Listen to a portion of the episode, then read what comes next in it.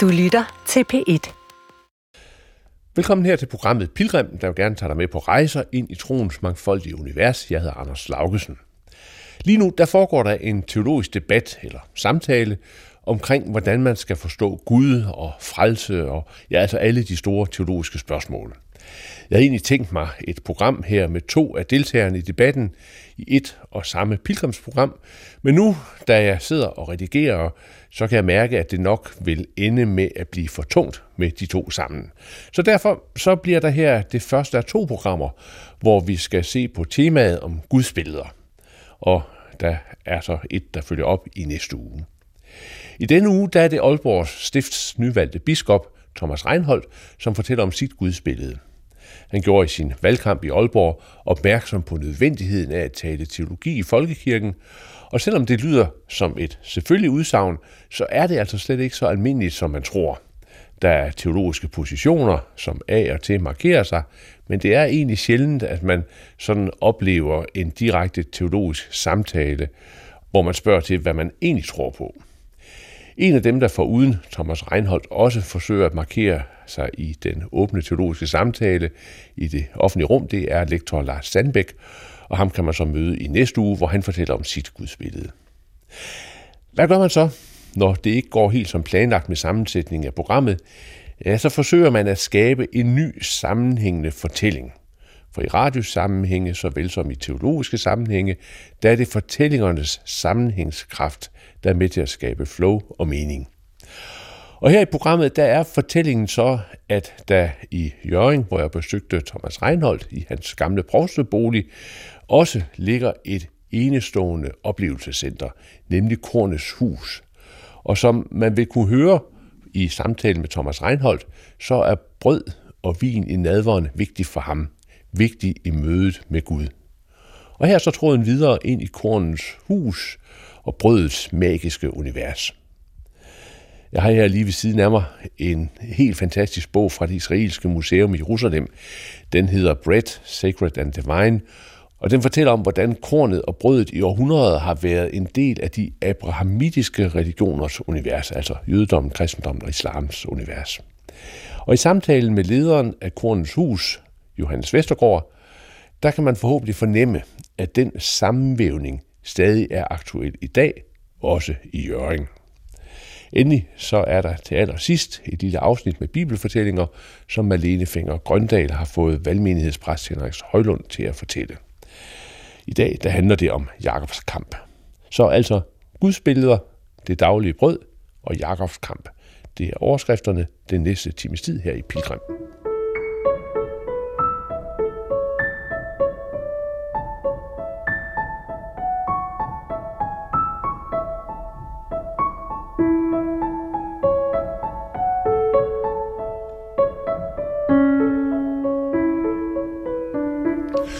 Thomas Reinhold, hvordan kan man overhovedet gøre sig et billede af Gud?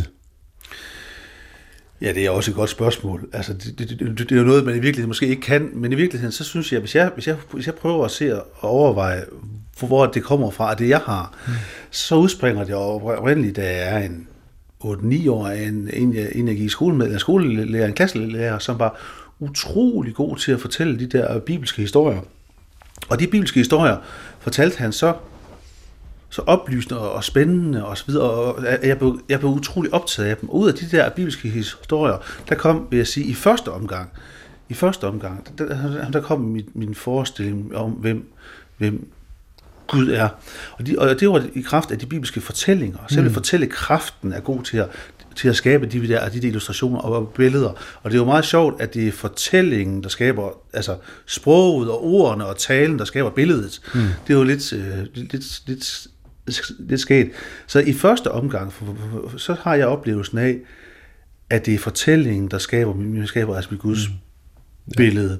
Øhm, altså jeg husker i høj grad fortællinger om, om, om, om Sara, mm. Sara-fortællingen, hvor ikke, ikke så meget efterfølgende med offring Isak, den har jeg kan jeg faktisk ikke huske, jeg har hørt som, som, som 8-9-årig. Men Sara-historien, hvor hun får at vide tilsavn om, at hun skal blive gravid og føde Isak, mm. øh, den greb mig ufattelig meget. Men, men, men i den fortælling, der har vi jo så fortællingen om de tre øh, ja. engle, der, der, der viser sig, eller hvad det nu er, Herren mm. selv ikke. Mm. Og man kan også sige, at i, i mange børns øh, gudsbilleder, øh, plejer man i hvert fald traditionelt at sige, jamen det er sådan nogle, nogle gudsbilleder, der, der, der på en måde er ret konkrete, altså hvor vi har nogle, nogle konkrete billeder af Gud. Har du på den måde et billede af Gud? Ja, og så er jeg blevet ældre og sådan noget stille og roligt, men, men, men mit konkrete billede af Gud, når du spørger mig sådan, det er billedet af en kærlig far. Mm. Det er billedet af den kærlige far. Det er det, der står tilbage, når jeg hører de bibelske historier. Så er det billedet af den far, som tager sig af mig, passer på mig, øh, tager vare på mig også. Som en far skal, der er også opdragelse i det, er ikke? der er også afsætning af grænser, men, men, men, men som en grundlæggende opfattelse af kærlighed. Mm. Øh, så billedet af den kærlige far er i høj grad det billede, jeg har af Gud. Betyder det så for dig, at Gud er en personlig Gud, eller er, er Gud øh, også sammenlignet med en, hvad sige, en universel kraft? Jeg synes måske, det er svært at skelne mellem de to, to, to ting. Altså man kan sige, selvfølgelig er Gud en, en personlig Gud, fordi når jeg, når jeg skal tale om Gud, og den måde, jeg forstår Gud på, så foregår det igennem igennem den måde, han har vist sig på, altså Kristus. Mm. Og det er, det er en, der har været her, en person som, som, som os. Så det, det er gennem ham, jeg har forestillinger om, om, om Gud, altså gennem hans udtryk og, og, og, og, hvad hedder det, og personlighed. Men jeg ser også Gud som sådan en, som det, der bærer alt i kærlighed. Mm. Jeg tror faktisk på, at, at, at alt er skabt og båret og opretholdt af kærlighed. Mm. Det er det, jeg tror på. Og den kærlighed har et personligt udtryk i Kristus. Hvordan er Gud og mennesket forbundet? Jamen, de, de er forbundet på, på, på den måde, kan man sige, at det, at, at, at det ligger jo i skabelsen og så videre, men de er grundlæggende forbundet ved, at vor Herre henvender sig til os. At han taler til os, og, og vi møder ham. Og, og, og kan man sige, hvor sker det? Mm. Det, er jo, det er jo en ting, man taler meget om. Har man oplevelser, hvor herre har åbenbaringer osv. videre. Jeg er nødt til at sige, at jeg, jeg møder jo Gud hver eneste gang, vi har dåb og nadver. Det er, det er mit det er mit udtryk for, for Gud. Der møder jeg rent faktisk Gud. Det er den, den måde, han, han giver sig til udtryk for mig på. Og hvorledes hvad gør han så det? Ja, i handling om dåben, der kan jeg se, at han tager imod spæde, mm. uf, uden, nogen form, uden nogen form for betingelser og fordringer. Og når vi tager nadver, så giver han sig selv. Mm. Så Gud er en, der giver og tager. Mm. Og det skal forstås rigtigt, for vi hører altid det der udtryk fra det gamle testamente, han giver og tager. Men pointen er, det her er jo en tryghed. Mm. Han, tager, han tager om os og giver sig, sig selv. Men, men vil det så sige, at i det møde med Gud, du har i dåb og nadver, mm. er der da øh, følelser forbundet for dig? Eller er det mere sådan en, en hvad skal jeg sige, tankemæssig øh, vidsthed? Både og. Mm. Både og, men de følelser, jeg har, er, er jo, vil jeg sige, selvfølgelig er der følelser i det, fordi, fordi jeg er jo i kontakt med en kærlig fader. Mm. Så det er en oplevelse af Gud? Ja, det, tror jeg nok, jeg vil sige. Der er også en forståelse, rationalitet mm-hmm. i det, men der er også en, en fornemmelse af, at, øh, at det her, det er vedkommende ja. for mig. Ja. Nu, nu siger du, at, at du forbinder Gud med kærlighed, men hvis man ser øh, Gud i Gamle Testamentet, mm. så må man jo sige, at så er det i hvert fald ikke en kærlighed, sådan i den forstand altid, som vi, som vi opfatter det. Kan man sige, at Gud er god? Det kan man sige i Kristus. Det kan man sige, Kristus. Jeg kan huske, at jeg læste for mange år siden et citat fra Luther. Og Luther han siger afsted, når man ser på skabningen, når man ser på, på vores liv, så kan man kun sige to, to ting om ham, om Gud. Enten er han her ikke, eller så er han ond udsagn om, udsagn om, at han ikke er det, det dukker op i Kristus. Det er jo igennem ham, at vi har en klar forståelse af, at han, han vil os det, mm. alt det gode. For erfaringen, altså hvis vi kun skal læne os op på vores erfaring alene, så siger erfaringen os jo, at den eneste kraft, vi møder, det, det, eller den største almagt, vi møder, lad mig sige sådan, det, det, det, det, det, er døden. Mm. Det, det, det, det skal dø. Uanset hvor meget vi holder af og elsker hinanden, som vi skal, og gør alt, hvad vi kan, så ender det jo alligevel for en hver os med, at vi skal dø mm. til aller, aller sidst. Uanset hvor meget vi spræller. Det vil sige, at den grundlæggende erfaring af den største kraft i verden, det er, at vi skal dø. Mm. Men vi tror på, at kærligheden er større end døden. Det er jo det er det, vi, vi taler om, det er det, vi tror på, at kærligheden er større. Det er det, vi gerne vil opdrage vores børn i, selvom vi alle sammen godt ved i erfaring, at døden er den største magt, så tror vi, at kærligheden er større, og det opdrager vi vores børn i den tro. Hvem kunne finde på andet? Og kærlighedens kraft, den tror vi på. Den vises også i Kristus. Og den fortælling om Kristus, det er jo fortællingen om, at kærligheden er størst af alt. Og det er troen. Dømmer Gud mennesket? Ja, men han dømmer det forhåbentlig i kærlighed. Han dømmer det forhåbentlig i Kristus. At det har jeg en tillid til, til i høj grad. Øhm, og de veje, man kan lige sige, hvad med dem, der ikke har mødt Kristus?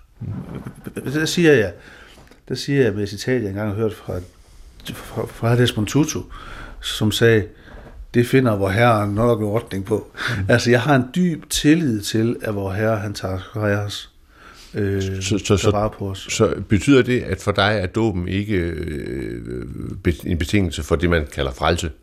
Jamen det, det, det, det er det jo. Det, det, det, det er jo en betingelse her, på, på, på den her side her. Det der kan man sige, at der er dåben det, det, det, det er vejen ind, men dåben er ikke vor herres begrænsning. Det har jeg en klar tro på, at det skal vor herre nok finde en, finde en, finde en eller anden en, en, en vej på. på. Ja. Men, men, men hvis man ønsker at være en i kirke og, og så videre, så bliver man der, så kommer man der selvfølgelig mm. til dåben, det er da klart. Men man taler jo om frelse og fortabelse. Mm. Hvad forstår du ved den skillning? Vi har jo alle sammen, det jeg sagde før, vi har jo alle sammen en, en erfaring af fortabelse, både i det små, hvis vi ikke slår til i vores liv. Der har vi små erfaringer af, af fortabelse, og vi rammer jo alle sammen ved siden af skiven på den ene eller anden vis. Og vi har en erfaring i det store, når vi skal dø, eller vores kære skal, øh, så har vi en erfaring af, at livet det smutter fra os. Øh, så fortabelseserfaringen har vi alle i det store og i det små. Og der er det, jeg siger det der med, men vi tror på, at kærligheden er større. Mm. Vi tror på, at kærligheden og Guds kærlighed kan trumfe fortabelsen. Mm. Det er den klare tro, vi har. Mm. Så, så det vil sige, at når man for eksempel i øh, traditionel luthersk øh, bekendelse mm. taler om en mm. dobbelt udgang, ja øh, så, så, så, så mener du, øh, ja, hvad mener du om det så? ja. ja, men det, det, jeg, jeg, synes jo, jeg synes jo, at det er en skrækkelig øh, forestilling at tænke, at nogle af vores kære, eller andre for den sags skyld, skal gå, for, skal gå for, for tabt, og den, den kan jeg ikke tænke. Altså, jeg kan ikke tænke den på, på, på den måde. Jeg kan i hvert fald ikke tro det. Men, men, men, men man er også nødt til at sige, at hvis noget den er ubetinget, så tilhører den altså Gud. Og så åbner det for, for, for rent faktisk, den her ekstreme tilgivelse, den åbner for, faktisk for, at der er en, en anden side. Mm. Men, men grundlæggende, så tror vi på, at Gud, og tager os alle, mm. men, men, men når den klassiske teologi hos Luther taler om de hovedgange, så taler det nu om det ud fra en forståelse af Guds ubetingede nåde, mm. af Gud, nåden er Guds beslutning alene, og jeg har ikke noget krav på den. Mm. At den er et tilsigelse, en gave, bliver skænket. Og det kan den jo kun blive, hvis den, hvis den ikke er, er en betingelse på, på forhånd. Så, så Thomas Reinhold, betyder det, at, at, at det du egentlig siger, det er, at Luther ikke tog konsekvensen af sit eget, hvad skal vi sige, forståelse af Guds nåde i, i, sin, i sin teologi? Nej, det er det faktisk ikke. Det jeg siger, det jeg siger, det, det er, at der er hos Luther er der, er der store ansatser til at tale om, at Guds nåde kommer ud til alle. At Guds nåde, det, det gælder alle. Det er der meget, meget store ansatser men, til. Men han taler om dobbeltudgang. Det gør han. Ikke? Altså, altså, og det, det er det, jeg mener. I og med, at han taler om dobbeltudgang, ja. Så er det vel en konsekvens af, at han ikke tager den forståelse af noget, som du, øh, du Jamen, han vil ikke siger tage, alvorligt. Han vil ikke tage konsekvensen, fordi han er bange for, at tilgivelsen bliver et krav fra vores side. Mm, okay. Det er sådan set det, det, det, det handler om. Så, så han vil ikke tage det, tage det skridt, det sidste skridt. Og så han er så er han også en del af en historie og en tradition selvfølgelig. Mm. Men, men, men, men han vil ikke tage det sidste skridt, fordi det er vigtigt for ham, at tilgivelsen er ubetinget. Mm. At, at vi ikke har noget krav på den anden side, anden side om, i kraft af vores eksistens og bæren. Mm. Men, men, men jeg synes jo, jeg synes jo helt, jeg synes jo, at jeg har jo et, et håb om, mm. at vi alle bliver frelst. Ja. Det er da klart. Hvor, hvor, kommer, hvor kommer Jesus ind i det hele? Jamen, det er jo, ja. det, det, er jo, det er jo i kraft af ham, at vi forstår det. Mm. Det er jo i kraft af den historie, han fortæller om vor Herre, at vi ved, hvem Gud er. Mm. Øhm, og man kan, sige, man, kan sige, man kan sige, hvad kommer tro af? Jeg tror, det kommer af, hvad der hører os. Når vi hører en historie, hvis der er en, der fortæller os en, en historie, om han, om han har oplevet, og det er helt utroligt, den historie, men, men vi så alligevel tror ham, mm. så er det jo hans fortælling, der skaber tro hos os. Mm. Og Kristus, Jesus, han fortæller en historie, og han fortæller en historie, om en historie, som vi i kraft af hans fortælling kommer til at tro på, hvem Gud er. Og det vi oplever hos Jesus, det er jo, at han fortæller os en historie om en, en fader, der tager sig af os, tilgivende, tager imod os, og så videre. Så det er hans fortælling, der skaber troen i os. Ja. Hvor, hvor kommer korsfæstelsen ind? Altså er der tale om et zonoffer, eller hvor kommer korsfæstelsen ind? Hvordan forstår du korsfæstelsen? Jeg forstår grundlæggende korsfæstelsen. Jeg er ikke så sikker på, at jeg, er, jeg forstår den som et sonoffer. Jeg forstår den, altså, altså jeg forstår den, jeg forstår den, jeg forstår den mere som, at vor Herre, han i Kristi skikkelse, går helt ind i tomheden og intetheden. Helt ind i tomheden og intetheden. Og springer alt det indenfra. Og giver en fylde, som der ikke var der før. Altså alt det med alt det, der smerter og gør ondt, og intetheden, alt det inderste i al smerten, mm. det går han ind i og springer mm.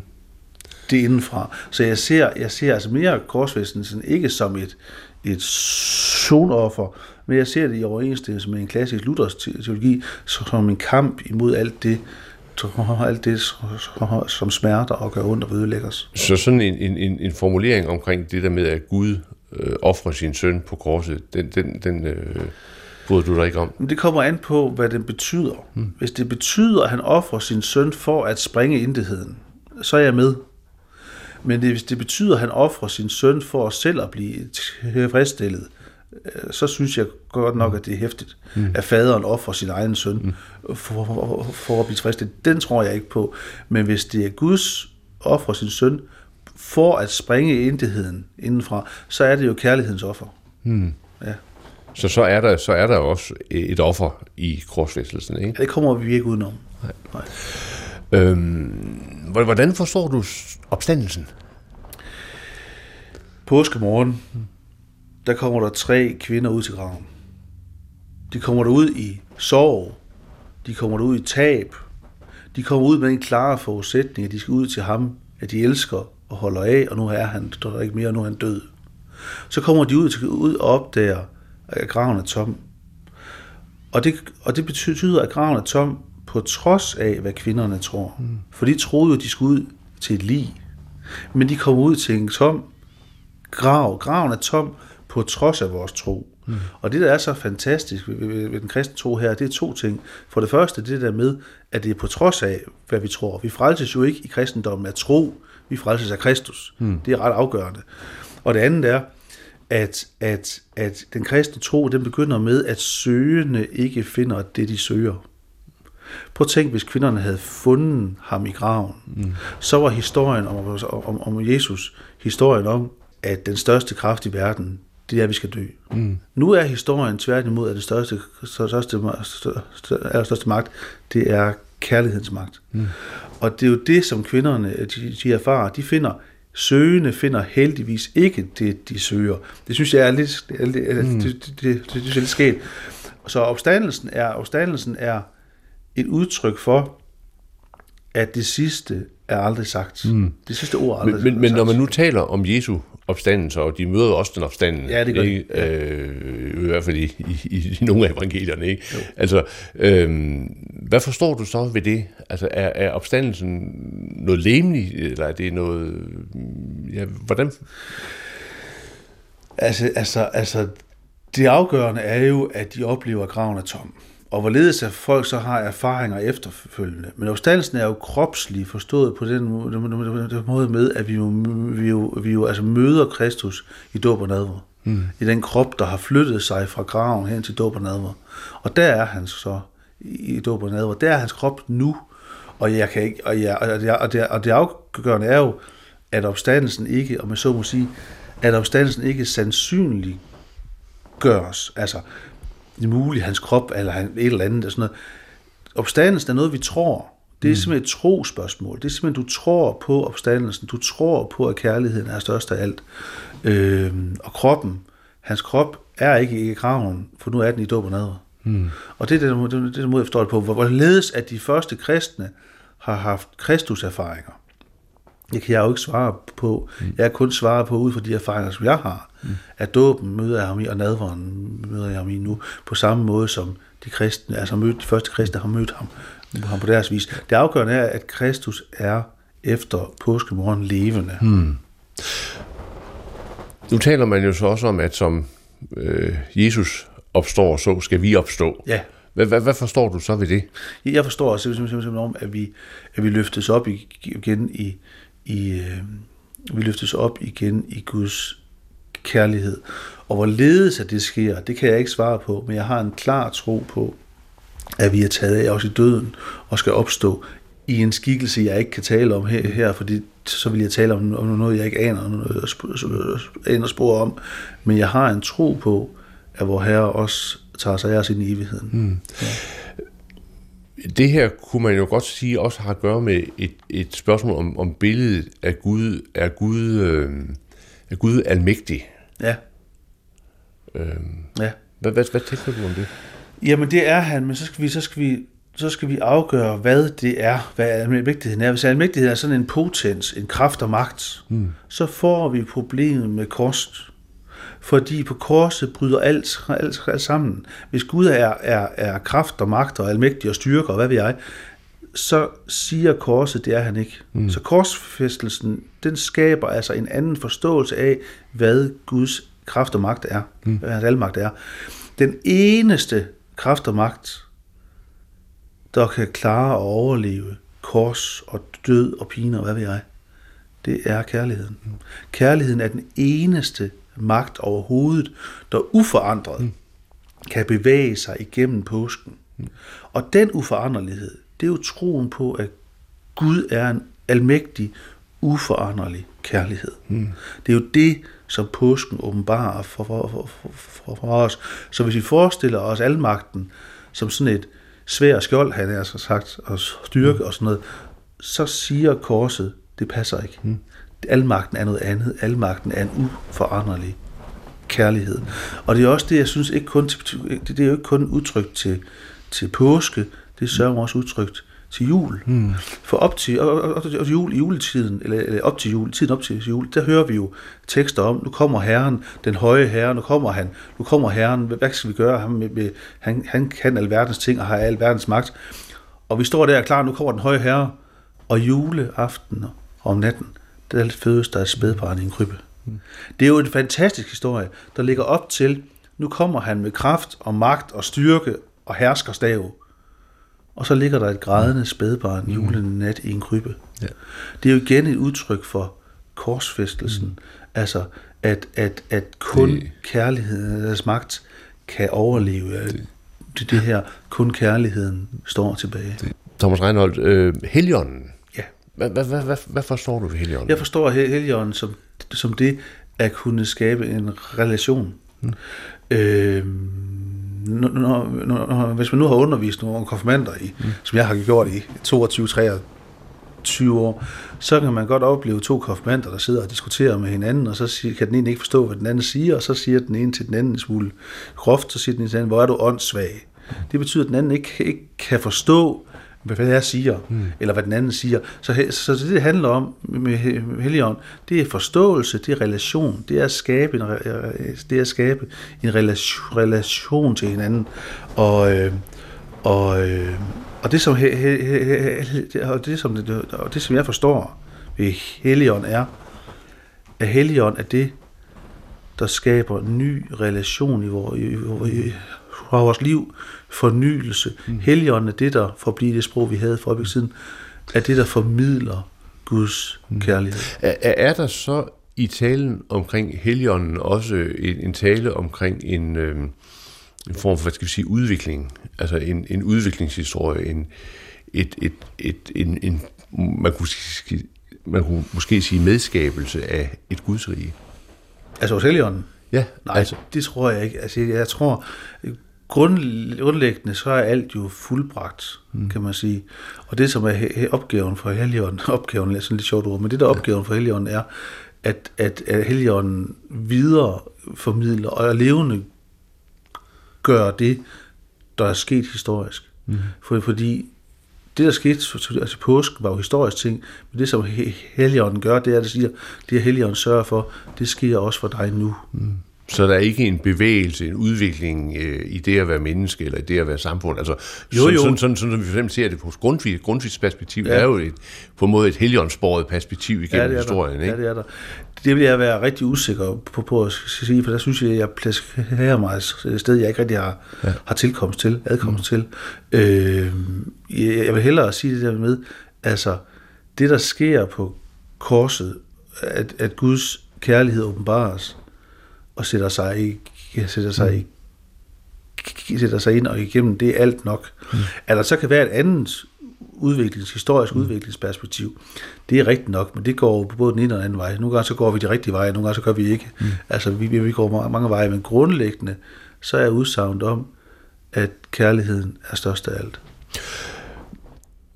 Hvor kommer dine, dine forestillinger fra? Hvor stor en øh, betydning har for eksempel Luther spillet for dine øh, forestillinger om Gud? Ja, altså, som jeg startede med at sige, så kommer mine gudsforestillinger grundlæggende fra de bibelske fortællinger, mm. og senere hen fra erfaringer med, med dåb og nadver. Mm.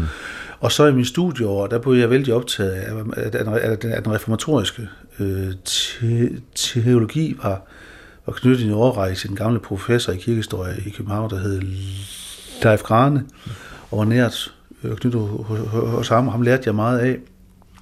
Og det er erfaret hos Luther. Jeg, jeg kom jo et sted fra, som ikke havde læst Luther ret meget i skolen og, mm. og, så, og så videre, og ofte så blev han læst under stor kritik. Det jeg oplevede som 22-årig, 23-årig studerende var, at Luther var en stor befrielse hans, hans, hans syn på menneskelivet og så videre, var i virkeligheden en stor frihed.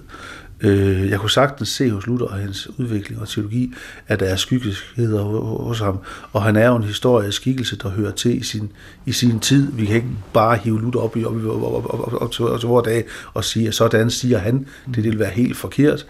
Men der er nogle, der er nogle flotte ansatser hos ham om, om frihed og tilgivelse og noget, som jeg synes, at man kan bygge, bygge videre på. Så jeg hos Luther har jeg, har jeg lært rigtig, rigtig meget, men jeg vil også sige, at mit, mit billede af ham er blevet nuanceret via Grundtvig, mm. øh, fordi han har, han har en, en evne til at nyformulere de svage sider hos Luther. Mm. Øh, og det har jeg også haft, haft rigtig meget glæde af. Så. Hvor, hvor, hvor foranderlige er øh, Guds billeder?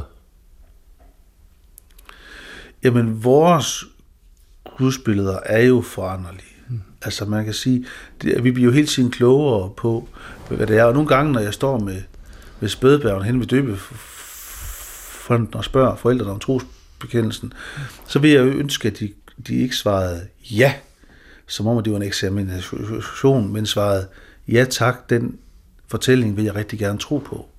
Så sådan, at man træder ind i den her fortælling som tros bekendelsen er, og vokser i den, og gror i den, og bliver større i den, og får nye, nye oplevelser og nye erfaringer, således at ens gudsbillede og tro hele tiden er noget, noget der gror mm. og, og vokser i en forståelse af, hvem Gud er, altså gror i en. Øh, ja tak, den fortælling vil jeg rigtig gerne tro på, den fortælling vil jeg rigtig gerne trækkes ind i, mm. den fortælling vil jeg rigtig gerne være en del af. Derfor siger jeg også altid til, til forældrene, når de står ved døbefront med deres lille spædbarn i den flotte kjole, at grunden til, at kjolen er så lang, det ved ikke, om det er rigtigt, men jeg siger det i hvert fald, at dåbestue er så lang, det er fordi, der er plads til at gro. Mm. Der er plads til at, at, at, at, at vokse, der er plads til at blive klogere. Mm. Øh, og derfor er vi hele tiden i en, i en, en bevægelse. Igen Mark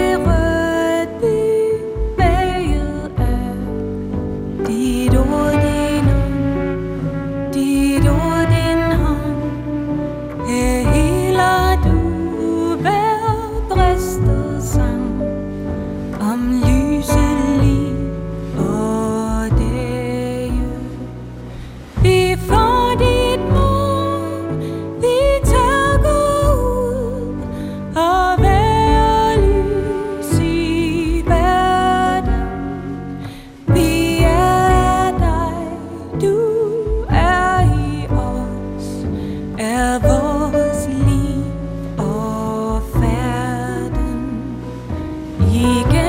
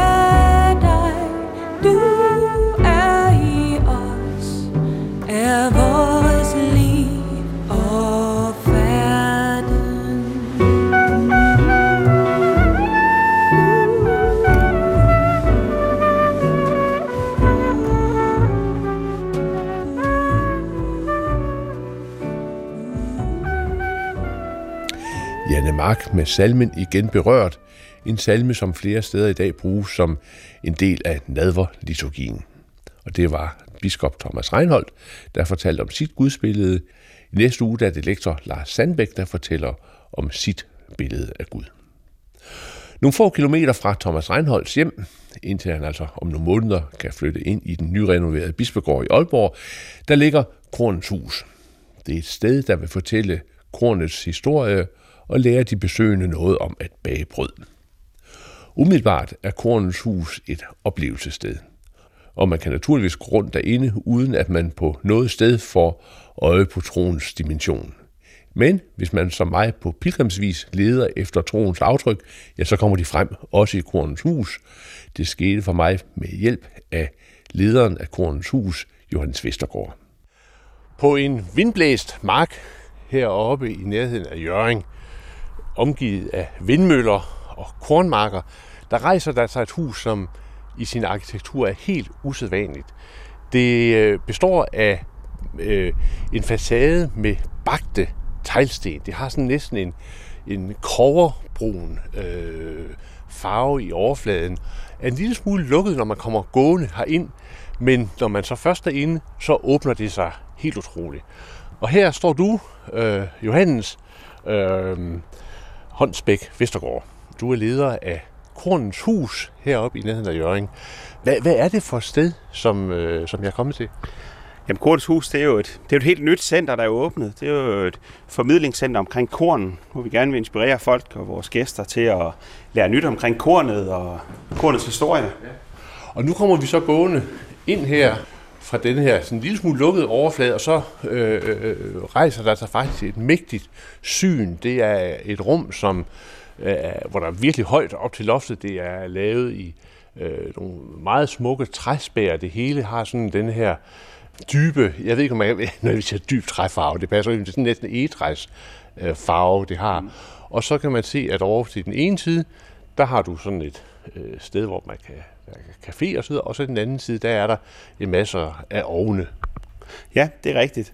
Korns Hus, det er jo et, øh, det er et hus, hvor folk gerne skulle komme op og smage på det her, øh, på kornet, som vi arbejder med, og skal kunne komme ud og være med i bageriet. Vi har hele øh, den ene længe af det her fine hus er allokeret til et stort bageri, hvor vi har forskellige kurser og workshops, hvor man kan komme op og få fingeren lidt i det.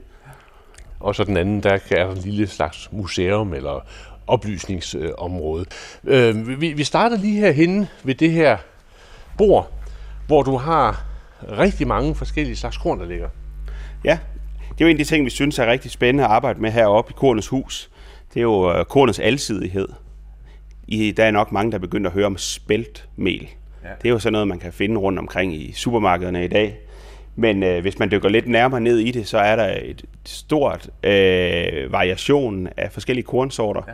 Så her på bordet har vi lidt ude fra haven. Nu er det begyndt at blive flot moden. Vi er herhen i starten af august, og vi er begyndt at høste lidt, så vi kan øh, lave fine buketter hele vinteren. Mm. Øh, ude fra vores store have. Ude i vores have har vi 40 forskellige kornsorter stående. Det er alt fra kuglevede til svedjero, øh, dårdyrhavre, mm. øh, kæmpe udvalg. Og enkorn også, sådan enkorn, den der gamle, ja. gamle type enkorn. Enkorn er en rigtig interessant vedetype helt tilbage. Det er jo en, en af dem, man kan finde fra de tidligste øh, øh tegn på, på dyrkning, på agerbrug, helt tilbage i, øh, i det gamle Ægypten og øh, det gamle Mesopotamien nede i Mellemøsten, 6-8.000 år før Kristi fødsel, hvor man begynder at dyrke kornet. Og der kan man altså se, at enkornen også blevet brugt. Og det er jo en af dem, som begynder at komme lidt frem i dag. Det er en meget, meget smuk korntype, og et meget smagfuld hvedesort, som man kan bruge i bageriet. Hvis man sådan ser på, på kornet, og grunden til, at, at jeg jo så er taget heroppe i dag, det er jo, at man, man kan jo sige, at da vi sådan for 6.000 år siden, eller deromkring, øh, gik fra jæger samlere, og så blev til bundestenalderen, og begyndte at dyrke forskellige korntyper, og så malede vi dem ude på sådan en, en, øh, en, en, en sten, øh, hvad, hvad kaldes det? Ja, det hedder det er en gruttekværn. Altså det er den helt tidlige, en meget, meget analog, simpel måde at kværne sit korn på. Øh, man får en ret groft kværnet mel, vil jeg sige, ud af det. Nu var det heller ikke så meget brødbaning, man havde gang i dengang. Det var meget grøden, øh, som var fremme, og så kunne man ære tilbage nogle simple brød på en varm sten i bålet. Men, øh, men dengang var det altså gruttekværnene, man havde i brug. Man kan faktisk se helt tilbage, da optegnelser fra den gang, man byggede Keopspyramiden. Man havde 200-300 mennesker. De var nok ikke ansat, men de var i hvert fald fast beskæftiget med at sidde med de her gruttekværne. Ja. Så det er sådan et billede, man kan have en hel fodboldbane med folk, der sidder og grutter mel for arbejden, de kunne få noget at spise. Og, og så er der sådan en rejse fra gruttekværnen, og så herover tilbage ved, hvor der er sådan en, en stor... Øh, øh, mølle, hvor man, øh, altså den er lidt større end en almindelig hjemmemølle, men, ja. men jo ikke en industrimølle, hvor, hvor man så kan male korn, og så bliver det sigtet. Men i den bevægelse fra det ene til det andet, der bevæger vi os jo gennem en, en, en kulturhistorie, øh, som øh, med kornet tager det hele menneskets liv, inklusiv det øh, religiøse, med ind, i, ind på rejsen. Ja, det er rigtigt. Man kan sige, kornets historie er en meget stor historie. Nu nævnte du selv, at øh, da kornet blev introduceret til Europa, at det er ligesom er der, hvor, øh, hvor vi har en overgang fra en simpel jæger-samlerkultur til bundestenalderen. Så på mange måder kan man sige, at kornet er grundlaget for vores civilisation. Det er første gang, man kan begynde at dyrke mad til forråd, og derved kan man få forskellige funktioner i samfundet. Så altså, vi har jo øh, tegnet af landbrugets historie, og særligt herhjemme, også i den moderne tid, har Danmark jo været et landbrugsland. Øhm, og det er altså helt tilbage fra, øh, fra bundestenalderen, øh, 2-3.000 år før Kristi fødsel, at, øh, at det ligesom starter, at den her, de spor i vores historie, de følges ad. Men ved siden af den sådan, hvad skal vi sige, kulturhistorie, som handler om, at vi skal have noget at spise, og vi bliver bedre og bedre til at få mere ud af kornet osv., så er der jo også øh, parallelt med det, øh, det, som jeg måske vil kalde forundringens historie. Forundringens historie i kornet.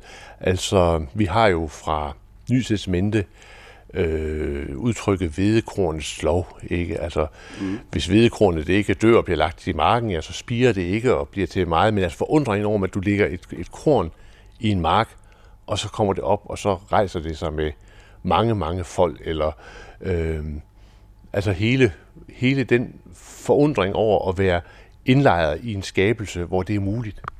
Jamen, det er jo rigtigt. Altså, det er jo et mysterie, kan man sige, øh, vækstens mysterie, at år for år, så kommer kornet frem, øh, og andre afgrøder rundt på markerne. Øh, I dag har vi jo en forståelse af det, vi har jo analyseret det og gennemarbejdet det.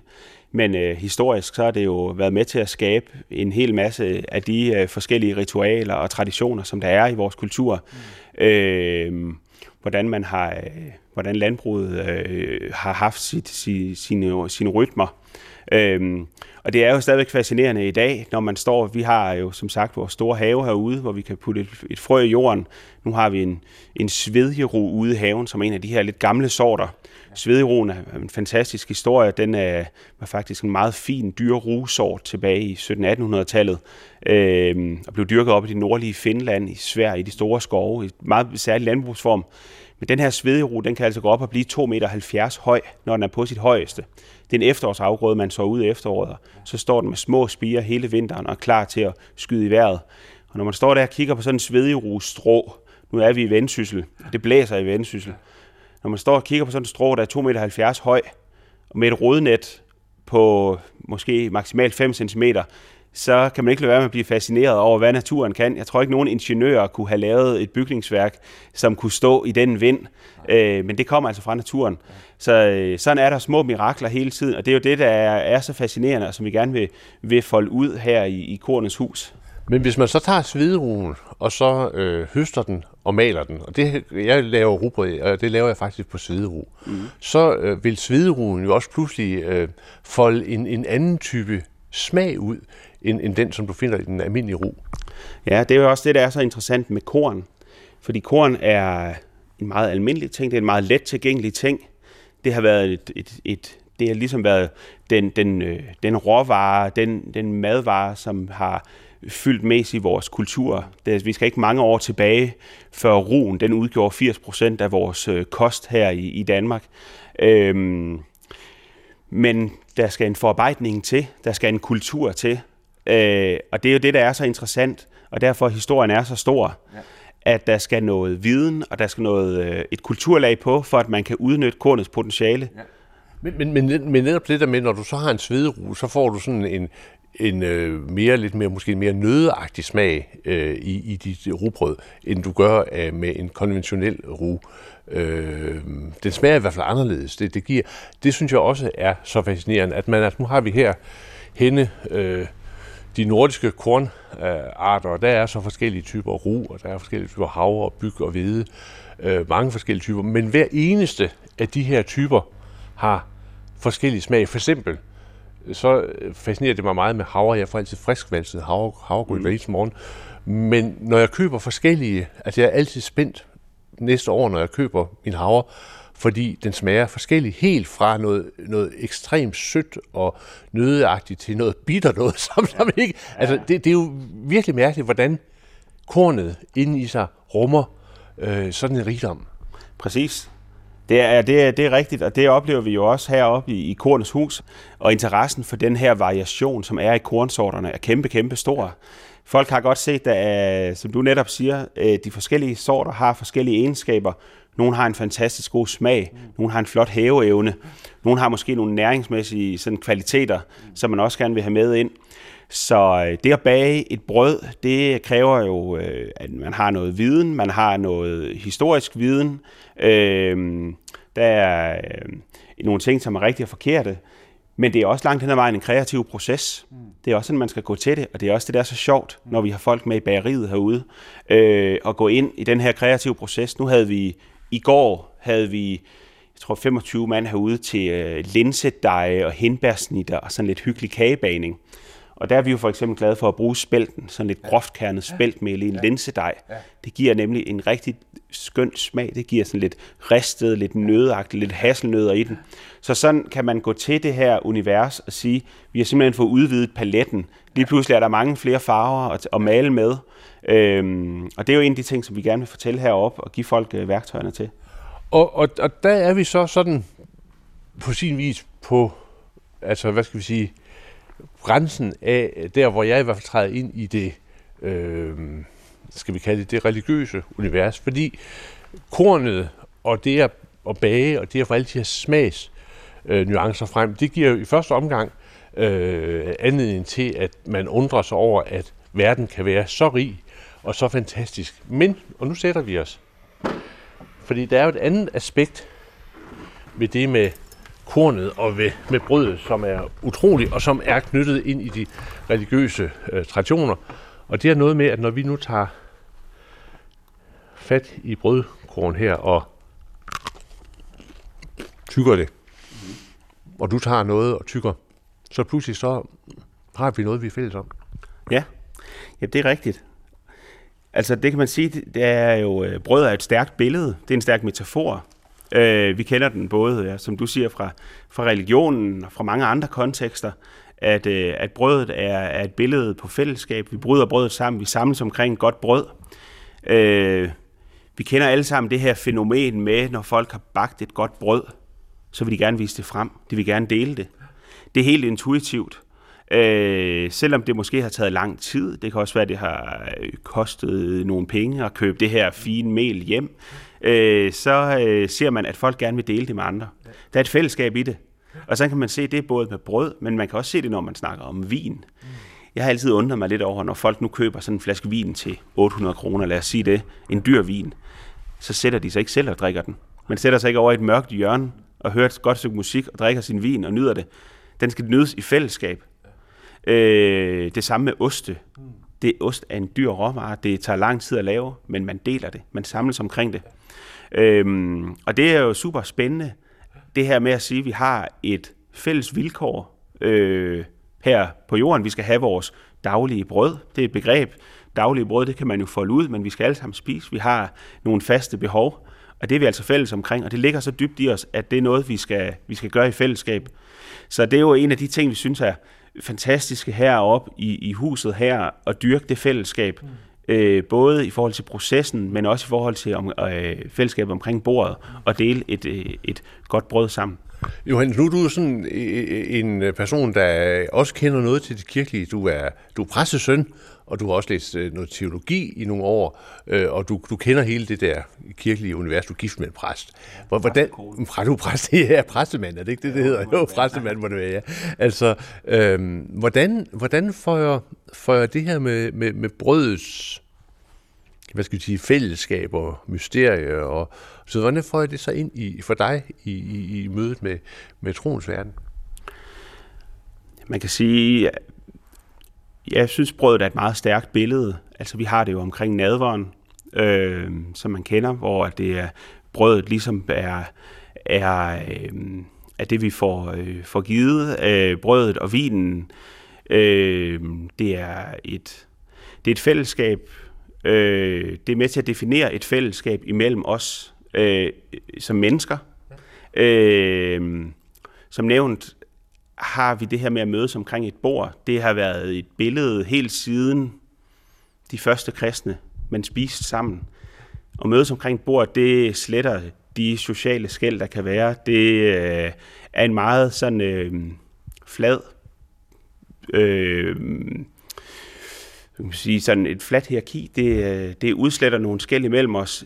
Vi har et fælles behov for at spise, og det øh, er med til at, at definere det fællesskab, som vi, som vi møder imellem os som, som mennesker. Og det er også det, som jeg oplever, når jeg går øh, til nadver og sætter mig omkring øh, alderet, at det er et fællesskab, hvor vi er lige, mm. øh, og hvor, øh, hvor Kristus sidder med ved bordet. Mm. Øh, og det er det, der gør det til noget særligt. Og man kan sige, at, at kornet, og når det bliver lavet om til brød, så har det øh, øh, iboende i sig sådan evnen til at trække os ind i det der fællesskab, hvor vi hvor der er en dybde fællesskab. Men, men, men jeg vil jo så sige, at, at jeg ville ønske, at man, man kunne tage sådan noget her med til alderet til brød, som, som, som jeg sidder og spiser her. Fordi det er der jo virkelig noget, øh, sådan en, en helt konkret stoflig øh, fornemmelse af en smag, noget der åbner sig. Ikke? Det, det, er, det er sådan, øh, ja. Ja, det er jo interessant at begynde at snakke om, hvad er det, der sker, når man bager et godt brød, eller laver en god vin, eller laver en god ost udgangspunktet er noget meget almindeligt. Det er korn. Det har vi massevis derude på markerne. Druesaft. Øh, eller mælk. Det er, det er en almindelig gængs råvare. Men der sker en forarbejdning. Der sker et kulturlag på det. Det er noget viden, vi har fra vores nedarvet gennem historien. Og på en eller anden måde synes jeg jo, at vi giver det noget ånd. Altså, der er noget ånd i det. Det er noget, vi deler med hinanden. Netop det her behov for, at vi vil dele det med hinanden, det viser, at igennem den forarbejdning, igennem den omhu, der ligger en eller anden hengivenhed, der ligger en, en form for kærlighedserklæring på en eller anden niveau til vores medmennesker. Vi vil gerne dele det med hinanden, og vi vil gerne prøve at lave noget, som har en smag, og som der ligger en oplevelse i. Og en, og en kærlighed til, øh, til skabningen, ikke? til skabelsen. Kærlighed til, til den, der har skabt også. Præcis. Man, altså man kan sige, man interagerer jo med skaberværket. Vi bruger de egenskaber, vi har. Vi bruger den viden, vi har. Øh, og vi bruger de intuitioner og den kreativitet, som vi har fået givet, til at, øh, til at skabe noget, som er mere end det, det er i udgangspunktet. Altså der skal ikke trækkes fra eller lægges til. Det ligger i øh, stoffet selv, det ligger i kornet. Muligheden for at lave det gode brød ligger i kornet. Et godt brød, det er jo kun tilsat lidt lidt vand og lidt salt. Der skal ikke mere til. Man kan lave en surdej, man kan øh, på ren mel. Altså det, øh, det ligger i sig selv, men, men der skal en forarbejdning til. Øh, der skal ligesom en, øh, en, vi skal være med til at give det noget sjæl og noget ånd. Hvordan smager det åndrige brød? Altså hvad er det for dig sådan der, hvor, hvor, hvor, hvor brødet eller osten, jeg ved, du er ostekspert, mm. det er ligesom øh, ja, får kronen til at svæve? Altså, siger, nu har jeg baggrund som kok. Øh, efter, som du nævnte, så har jeg været lidt inde og, og haft min gang på teologistudiet, men efterfølgende har jeg arbejdet som kok i mange år. Og øh, jeg er tit blevet spurgt om, hvad min livret den er. Og jeg plejer altid at sige, at hvis man kan mærke, at der har været noget omhu og noget, øh, noget entusiasme i processen, så, så smager maden godt. Så det, det, er, det er livretten. Det, jeg tror, det er det, når folk snakker om mors mad, eksempelvis. Det er sikkert ikke altid været lige øh, godt, hvis man går ind på sådan øh, det gastronomiske plan, men, øh, men der har ligget en, øh, en, en henvendelse i det, der har ligget et, øh, der har ligget et lag i det, ja, der har ligget, der, der er nogle minder, og der er noget, som, øh, der er nogle andre ting, som man trækker på der. Så jeg vil sige, et brød, der er ikke, for, for mig her er der ikke opskriften på det perfekte brød, men brødet, der ligger så meget mere i det, end bare øh, den, øh, det gastronomiske, er det for lidt eller for meget salt, der er selvfølgelig rigtigt og forkert, men, øh, men hvis man kan mærke, at der er nogen, der har brugt tid og kræfter øh, på et godt brød, så, øh, så smager det også godt, så det er en god oplevelse. Og kan man tale om kærlighed i den her sammenhæng? Ja, det synes jeg jo, det er. Altså, det er jo de ting, vi deler med hinanden. Det er, det er en erkendelse af, at vi er fælles her på jorden, og vi har nogle fælles præmisser, som vi går ind på. Det er hele begrebet om det daglige brød. Alle skal have noget, altså, vi skal spise sammen. Øh, man kan se tilbage et, sådan et stærkt billede på det af de første menigheder helt tilbage i Oldkirken, øh, som jo havde det her måltid, agabemåltidet, hvor de jo simpelthen, det var jo et sammenskudskilde. Alle kom med det, de kunne. I starten blev det faktisk, altså der blev det jo sådan set indstiftet, og blev øh, også nadvaren egentlig øh, i de helt tidlige menigheder. Øh, så det synes jeg jo absolut, at øh, det at mødes omkring bordet, der, der er mange flere lag i det, end øh, bare det, som man, øh, man spiser. Der er en, øh, det, er en, det er en meget smuk begivenhed. Det var her Johannes Vestergaard, der er leder af Kornens Hus. Og så kan vi lige til sidst nå en bibelfortælling. Malene Finger Grøndal har talt med Henrik Højlund. Henrik Højlund, du er teolog, og du er præst i øh, Aarhus Bykirke, en valgmenighed. Og så er du en rigtig god fortæller, og du har lovet at genfortælle en øh, bibelhistorie eller nogle stykker. Men nu er vi nået til øh, en fra, ja, fra øh, det gamle testamente, første Mosebog. Hvad er det for en historie, du vil genfortælle nu? Men det er en om øh, Jakob, eller tvillingeparet Isau og Jakob. Øh, det er jo sådan, at Bibelen øh, leverer et hav af meget uharmoniske forhold, altså historier om fortællinger om uharmoniske forhold, eller dysfunktionelle familieting og sådan noget. Det er der masser af historier om. Det er ikke sådan, Bibelen er ikke sådan en harmonisk bog på den der måde. Slet ikke, tværtimod næsten. Og en af dem handler altså om, om Esau og Jakob, om tvillingeparet Esau og Jakob som øh, meget, meget kort fortalt, så, så handler det om, at, at Jakob simpelthen snyder sig til arveretten fra Esau, som er den ældste, og som derfor havde arveretten ifølge lov og regler, ikke? og det var meget vigtigt det der. Ikke? Altså, men, men, men Jakob han får altså snydt sig til arveretten, Øh, og, øh, og det er jo det er vildt dramatisk, og det betyder, at Esau kommer til at hade Jakob og, og simpelthen går ham efter livet. Det betyder så, at Jakob han flygter. Han stikker af, og han flygter langt væk. Han flygter altså udenlands, eller hvad vi skal kalde det. Han flygter simpelthen øh, flere ugers rejse væk og, og lander et sted, hvor han ender med at bo i mange, mange år, og ender med at få ikke mindre end to koner, øh, og børn, og tjener, og øh, geder og får og så videre, bliver jo sådan set en velhavende, meget velhavende mand. Man går hele tiden med det her, jeg skal, jeg skal jo arve efter min far Isak. Øh, jeg skal hjem og have det, men hvordan i verden skal jeg komme afsted med det? Øh, og han beslutter sig så for øh, til syvende og sidst at tage afsted med hele mængden af børn, koner og dyr og jeg ved ikke hvad, øh, og rejser hjemad og går bare der med kæmpestor uro og usikkerhed og nervøsitet, hvordan i alvideste verden skal jeg slippe igennem øh, det her med, med Esau. Hvordan skal, det, hvordan skal det gøres? Han går og tænker og tænker. Og på et tidspunkt så, så, så sender han de andre videre, men bliver selv et sted øh, for at, mm, ja, han vil sove for sig selv den nat. Men inden han når at falde i søvn der midt i mørket, så kommer der, så sker der noget mærkeligt. Så kommer der en mørk skikkelse øh, og går i slåskamp med ham. De kommer op og slås helt vildt og, og tæsker løs på hinanden. Og øh, Jakob får et kraftigt slag på hoften, som han i øvrigt aldrig slipper af med siden han, så han går sådan lidt halten resten af livet. Det sætter virkelig et mærke på ham. Men alligevel så er det Jakob, der er den stærkeste i kampen øh, på et tidspunkt, så siger den her mørke skikkelse, som han simpelthen ikke kan finde ud af, hvem er, så siger han, slip mig. Så siger Jakob, jeg slipper dig ikke, før du velsigner mig. Og så siger den anden, du har sejret, og han velsigner ham, og forsvinder, og på en eller anden mystisk, mærkelig måde så får Jakob en fornemmelse af, at det er Gud selv, han har kæmpet med. Det er en meget, meget underlig historie, ikke? Gud selv, han har kæmpet med. Det giver jo ikke mening på en måde, at, at Jakob skulle kunne være lige så stærk, faktisk stærkere end Gud. Så der er noget forstillet over hele situationen. Der er en forstillelse, som handler om at få Jakob til at, at kæmpe.